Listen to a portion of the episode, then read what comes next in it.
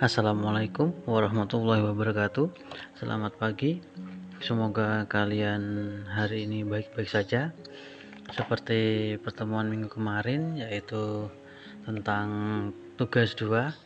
Saya sudah melihat eh, tugas-tugas eh, kalian memang tidak sepenuhnya semua anak mengerjakan tugas itu tidak masalah bagi saya dan itu akan menjadi masalah buat kalian karena memang apa yang kalian lakukan itu adalah bentuk tanggung jawab kalian terhadap diri kalian sebagai pelajar eh, sehingga apa pun yang kalian lakukan itu menjadi konsekuensi yang akan kalian eh, berikan entah itu baik atau itu kurang baik jadi mengenai tugas itu sudah menjadi tanggung jawab kalian. Saya tidak akan repot-repot uh, nguber-nguber karena pada dasarnya kalian sekolah itu memiliki tanggung jawab terhadap diri kalian maupun terhadap orang tua maupun terhadap masa depan kalian.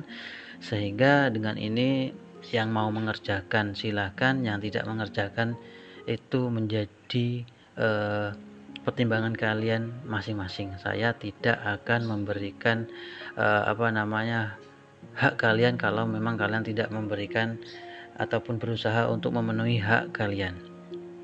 Jadi apa pun yang uh, sudah saya katakan di episode-episode sebelumnya seperti uh, tugas praktek, tugas satu, ulangan harian satu, remedi, terus tugas dua ini itu untuk yang mengerjakan ya selamat. Kalian sudah bertanggung jawab kalian sudah menghargai jeripaya orang tua kalian e, mencarikan uang untuk belajar. Dengan begini kalian bisa e, apa namanya me, memberikan tanggung jawab kalian terhadap orang tua kalian dengan hasil yang memuaskan. Dan itu sudah saya pastikan nilai sosiologinya itu akan memuaskan. Oke, untuk hari ini kita lanjutkan materinya di halaman 65. Uh, sebelumnya sebelumnya materi ini sudah kita bahas di tanggal berapa ya? Saya lupa itu di bulan Oktober. Itu lanjutan dari yang kemarin. Jadi hari ini kita akan mulai meneruskan materi sebelum ming minggu depan kita ulangan harian kedua. Oke untuk hari ini temanya adalah masyarakat masyarakat itu sendiri tentunya tidak asing bagi kalian karena pada dasarnya kalian itu tinggal di mana kalian bertemu dengan orang-orang di sekitar kalian baik eh, yang memiliki usia jauh lebih tua atau istilahnya jauh di atas kalian atau sama dengan kalian ataupun di bawah kalian. Tentu tidak menjadi sebuah masalah ketika diri kalian menyelaraskan itu di masyarakat.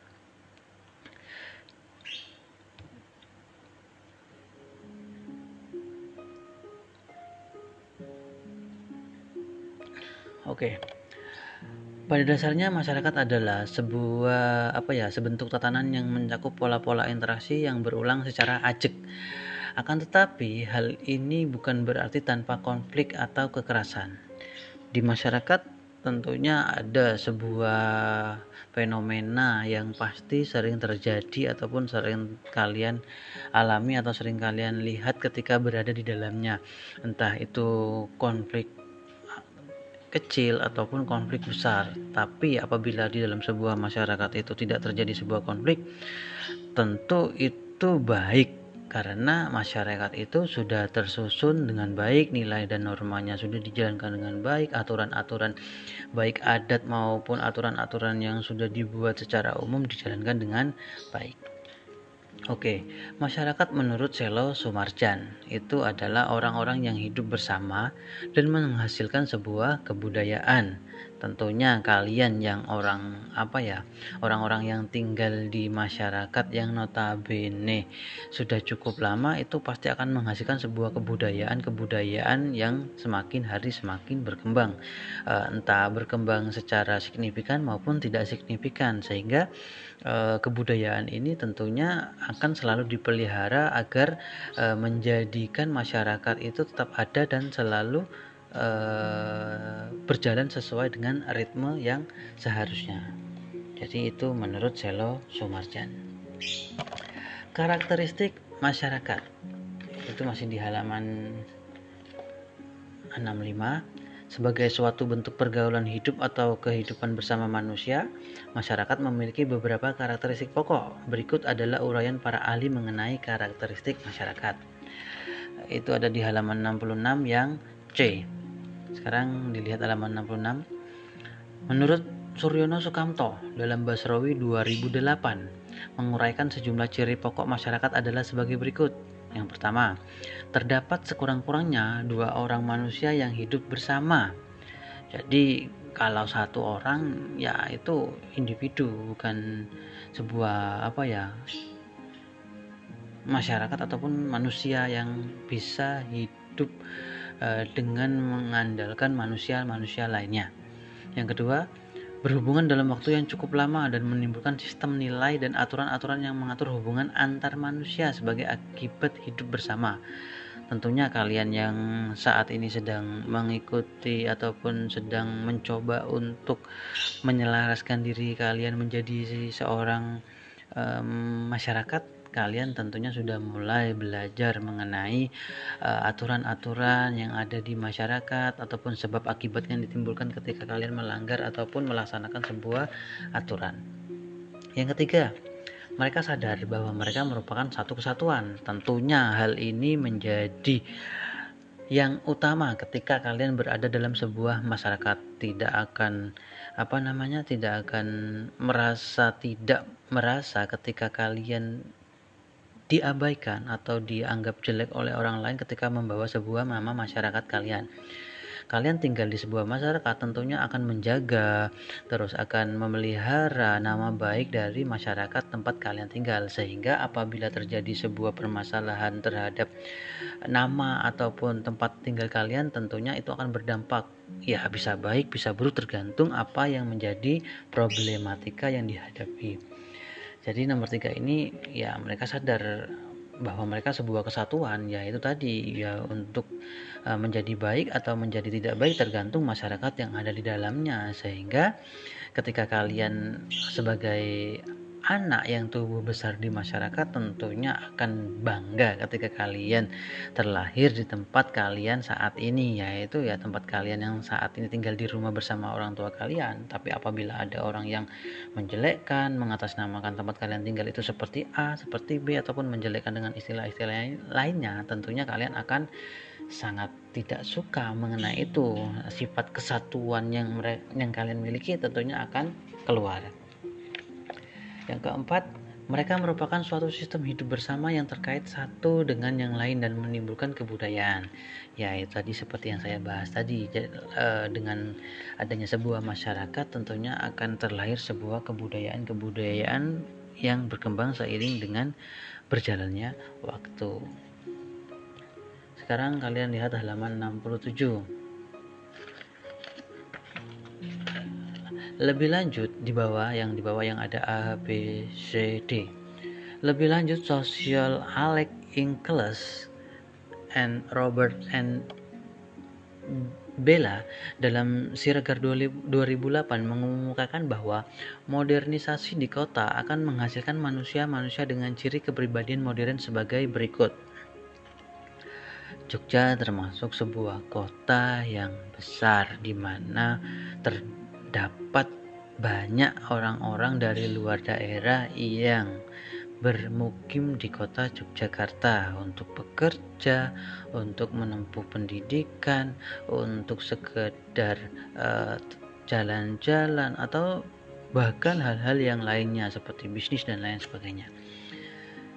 Sudah dianggap sebagai tempat yang cukup modern Yogyakarta ini. Oke, yang pertama kesiapan menerima pengalaman baru dan keterbukaan terhadap inovasi maupun berbagai bentuk sebuah perubahan. Ya, tentunya masyarakat harus bisa menerima sebuah inovasi yang semakin hari semakin berkembang, baik dari segi fisik maupun segi non fisik, baik segi pengetahuan maupun non pengetahuan. Secara manusia harus bisa mengikuti ritme kehidupan yang berkembang. Kalian tentunya anak-anak muda yang memiliki semangat yang jauh lebih baik dibanding eh, orang-orang uh, sebelumnya. Tentunya hal semacam ini tidak menjadi sebuah kendala karena sebuah perubahan itu sendiri bisa membawa kalian kepada pola pikir yang lebih maju tapi perubahan juga bisa menjadi sesuatu yang tidak baik karena tidak semua orang bisa melihat sebuah perubahan itu sebuah sesuatu ataupun e, hal yang bisa e, apa namanya menjadi baik. Hal-hal semacam ini tentunya harus bisa diselaraskan dengan baik antara perubahan itu sendiri kebudayaan terutama itu susah untuk menerima sebuah ke, apa perubahan yang signifikan karena kebudayaan itu ya kaitannya dengan e, diri apa dalam diri setiap individu. Yang kedua adalah kesiapan membentuk atau mempertahankan pendapat mengenai berbagai masalah yang menyangkut kepentingan umum, mencari bukti yang mendukung pendapat tersebut, mengenai keberagaman pendapat yang ada dan pen, dan menilai perbedaan pendapat secara positif. Tentunya dalam sebuah masyarakat ada banyak keberagaman mengenai eh, pendapat-pendapat uh, setiap individu ataupun ya itu tadi untuk mempertahankan pendapat mengenai berbagai masalah. Dalam masyarakat tentunya memiliki sebuah argumen ataupun sebuah pendapat yang harus saling menghargai karena adanya banyak uh, individu di dalamnya tentunya memiliki pola pikir pola pikir yang berbeda antara satu dengan yang lain sehingga uh, apa namanya setiap individu harus menghargai setiap kepentingan umum karena uh, kepentingan ini tentunya tidak bisa dikaitkan dengan kepentingan individu dan tidak dan di mana uh, sebuah keberagaman tentunya sesuatu hal yang positif karena apabila dalam sebuah masyarakat semuanya sama tentunya tidak ada hal yang apa ya menjadi uh, pembanding ataupun menjadi koreksi antara satu dengan yang lainnya. Yang berikutnya C, orientasi khusus terhadap waktu dan lebih menekankan pada masa kini dan masa depan ketimbang masa lalu. Mematuhi perencanaan waktu atau jadwal yang telah dibuat dan berupaya selalu tepat waktu. Uh, orientasi khusus terhadap waktu itu tentunya akan menekankan pada sesuatu yang apa ya sesuatu yang lebih baik karena sebuah perencanaan tentunya uh, akan menjadikan masyarakat itu bisa tertata dengan baik seperti kegiatan-kegiatan yang ada di masyarakat ataupun eh, agenda-agenda yang harus ada di dalam masyarakat itu sendiri seperti asis kamling, terus kebudayaan-kebudayaan ataupun memperingati hari apa di desanya dan lain sebagainya. Karena dengan karena dengan demikian uh, setiap apa namanya setiap masa itu pasti akan menekankan di uh, kegiatan ataupun periode tersebut akan menekankan setiap tahunnya tentang periode yang telah ia lewati sebelumnya. Yang berikutnya adalah kepercayaan terhadap kemampuan diri sendiri dan bersama orang lain untuk menata hidupnya menghadapi tantangan yang muncul, khususnya mengacu pada kemampuan menghadapi perubahan lingkungan alam dan mengendalikan berbagai masalah yang terjadi dalam kehidupan bermasyarakat. Kepercayaan tentunya menjadi sesuatu yang penting antara satu individu dengan individu yang lainnya. Agar apa? Agar terjadi sebuah apa namanya eh, kerjasama yang baik sehingga tidak saling mencurigai antara satu dengan yang lainnya. Mengacu kepada kemampuan untuk menghadapi sebuah perubahan lingkungan alam di mana seringnya terjadi berbagai masalah dalam kehidupan bermasyarakat ini tentang masyarakat. Tentunya kalian sendiri yang berada di masyarakat harus memiliki sikap saling percaya antara satu sama orang lain, sikap saling menghargai, sikap saling uh, tidak saling mengabaikan satu sama lainnya karena masyarakat itu sendiri tentunya tidak bisa tanpa masyarakat ataupun tanpa individu individu individu di dalamnya. Oke, kita lanjut ke halaman 69, nilai sosial. Pengertian nilai sosial erat apa berhubungan erat dengan kebiasaan manusia melakukan penilaian, Menilai adalah suatu kegiatan manusia yang menghubungkan satu hal dengan hal lain untuk diambil sebuah kesimpulan. Contohnya, masyarakat yang tinggal di, perkota, di perkotaan lebih menghargai kebebasan sebab hal tersebut diyakini dapat meningkatkan produktivitas, memunculkan kreativitas dan semangat untuk perubahan.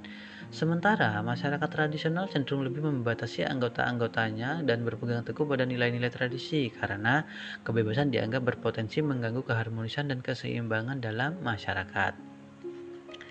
Ya seperti itulah sebuah pandangan ataupun nilai. Kadang kita menilai sesuatu itu baik belum tentu baik dengan penilaian orang lain.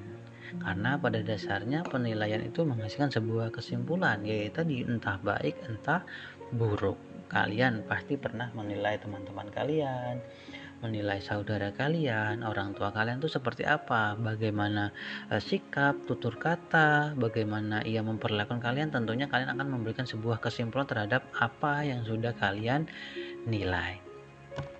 Kuncuran ningrat yang B adalah konsepsi-konsepsi yang hidup dalam alam pikiran sebagian besar masyarakat mengenai hal-hal yang mereka anggap sangat mulia Sistem nilai yang ada dalam suatu masyarakat dijadikan orientasi dan rujukan saat bertindak. Itulah sebabnya nilai sosial yang dianut seseorang selalu mempengaruhi saat menentukan alternatif, cara, alat, dan tujuan dari tindakannya. Oke, itu dia uh, definisi nilai sosial menurutku Coroningrat.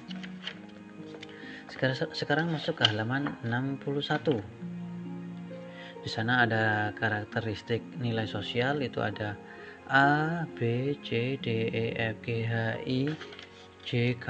Itu ada banyak sekali. Nanti kalian silahkan baca sendiri saja. Inti dari karakteristik-karakteristik nilai. Terus di sini juga ada jenis-jenis nilai sosial. Itu berdasarkan sumbernya itu adalah nilai ekstrinsik terus ada nilai intrinsik. Jadi uh, ini juga kalian bisa baca sendiri. Tentunya ini tidak akan uh, susah untuk nilai-nilai ini. Terus berdasarkan kegunaannya itu adalah nilai material nilai vital dan nilai kerohanian dan nilai keindahan. Ini juga sering keluar nanti ketika kalian semesteran mengenai arti dari sebuah nilai itu apa. Jadi kita contohkan seperti nilai vital, suatu yang bermanfaat bagi manusia untuk dapat hidup dan beraktivitas. Contohnya adalah kesehatan. Tentunya tanpa adanya kesehatan, eh, bagaimana seseorang itu bisa melakukan sebuah kegiatan dalam masyarakat ataupun dalam bekerja dan lain sebagainya. Karena Kesehatan adalah salah satu nilai vital dalam kehidupan. Kebanyakan orang menganggapnya nilai vital karena jauh lebih penting dibandingkan nilai material. Karena tanpa adanya kesehatan, manusia tidak dapat hidup dan melaksanakan aktivitasnya. Jadi seperti itu. Di sini juga ada halaman 74 itu adalah nilai dominan, itu juga sama, itu ada uh, presentasi presentasi kesuksesan dan lain sebagainya ini tidak perlu sebenarnya. Terus kita langsung ke halaman 76 yang nomor dua itu adalah nilai mendarah daging. Adalah nilai yang telah menjadi kepribadian dan kebiasaan sehingga ketika seseorang melakukannya kadang tidak melalui proses berpikir atau pertimbangan lagi. Biasanya nilai ini telah disosialisasikan sejak seseorang berusia dini ya bisa kalian lihat contohnya itu adalah tradisi mudik. Itu adalah nilai yang sudah mendarah daging sehingga nilai ini selalu dilakukan setiap kegiatan saat Idul Fitri ataupun Idul Adha. Tidak ada apa ya penekanan secara khusus karena nilai ini sudah mendarah daging bagi setiap individu ataupun setiap masyarakat yang ada di Indonesia karena tradisi mudik ini sudah menjadi sesuatu yang umum dan lumrah di masyarakat terus kita langsung ke halaman 78 di halaman 78 ini ada fungsi nilai sosial yaitu yang pertama nilai-nilai menyumbangkan seperangkat alat yang siap dipakai untuk menetapkan harga sosial dari individu dan kelompok. Itu yang B itu ada nilai-nilai mempengaruhi cara berpikir dan bertingkah laku secara ideal dalam sejumlah masyarakat yang C, nilai merupakan penentu terakhir bagi manusia dalam memenuhi peran-peran sosialnya. Yang D itu ada nilai dapat berfungsi sebagai pengawas dengan daya tekan dan daya ikat tertentu. Nanti kalian silahkan baca sendiri contoh-contohnya itu ada juga. Terus nilai dapat berfungsi sebagai alat solidaritas di kalangan anggota kelompok dan masyarakat. Jadi kita baca intinya saja nanti kalian silahkan baca contohnya juga terus ke halaman 80 oke ke halaman 80 itu ada norma norma sosial Nilai dan norma selalu berkaitan satu sama lain. Norma dibentuk dan diciptakan untuk menjaga dan mempertahankan nilai sosial. Norma merupakan bentuk konkret dari nilai-nilai yang ada di masyarakat. Contohnya, Nilai menghormati dan mematuhi orang tua diperjelas dan dikonkretkan dengan bentuk norma-norma bersikap dan berbicara kepada orang tua. Jadi kepada kalian yang masih memiliki orang tua, jaga orang tuanya baik-baik, jaga perasaan orang tuanya baik-baik, jangan sampai mengecewakan orang tuanya karena banyak sekali teman-teman dari kalian yang sudah tidak memiliki orang tua selagi masih ada, tolong jangan sampai orang tuanya menangis ataupun dikasari oleh perkataan kalian. Kalau kalian memiliki sesuatu keinginan, mintalah baik-baik. Agar apa? Ya, agar semua itu berjalan dengan baik. Orang tua bisa mengetahui maksud dan tujuan kalian. Orang tua bisa mengupayakan apa yang kalian inginkan dan kalian tidak merasa kecewa. Dan sebaliknya, kalian tentunya harus berucap secara baik secara sopan agar orang tua juga mau mengusahakan apa yang kalian inginkan. Oke, karakteristik norma sosial itu ada 1 2 3 4 5 6 7. Silakan kalian baca saja. Itu contohnya juga ada karena kita memang harus mencepatkan ini karena besok kita harus ulangan dan minggu depan kalian sudah semesteran. Jadi intinya di pertemuan ini kita apa ya ini pertemuan terakhir ketika saya menjelaskan di podcast ini untuk semester 1 karena uh, minggu depan kalian sudah ulangan harian dan minggu depannya kalian sudah semesteran. Jadi saya hanya bisa berharap kalian membacanya ini untuk apa ya untuk sesuatu yang bisa kalian dapatkan ketika kalian melaksanakan semesteran. Apabila tidak mengetahui dengan pasti nanti bisa WhatsApp saya. Jadi terus jenis-jenis norma sosial itu ada berdasarkan daya ikat atau sanksinya. Itu yang pertama itu adalah cara berbuat. Itu kalian juga baca. Dan apa ya contohnya juga ada. Terus kebiasaan itu apa tata kelakuan itu apa adat istiadat apa hukum itu apa dan lain sebagainya. Nanti bisa kalian baca dengan baik di rumah untuk hari ini sampai dengan selesai di pertemuan uh, semester 2 ini. Jadi saya tidak bisa menjelaskannya secara mendetail ini.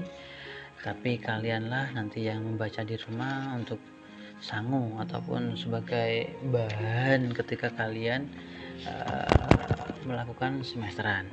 Jadi tetap dibaca untuk kemudahan kalian. Untuk hari ini saya tidak memberikan apa ya kata kunci tidak perlu karena uh, kata kunci yang saya berikan sebenarnya untuk daya ikat saja.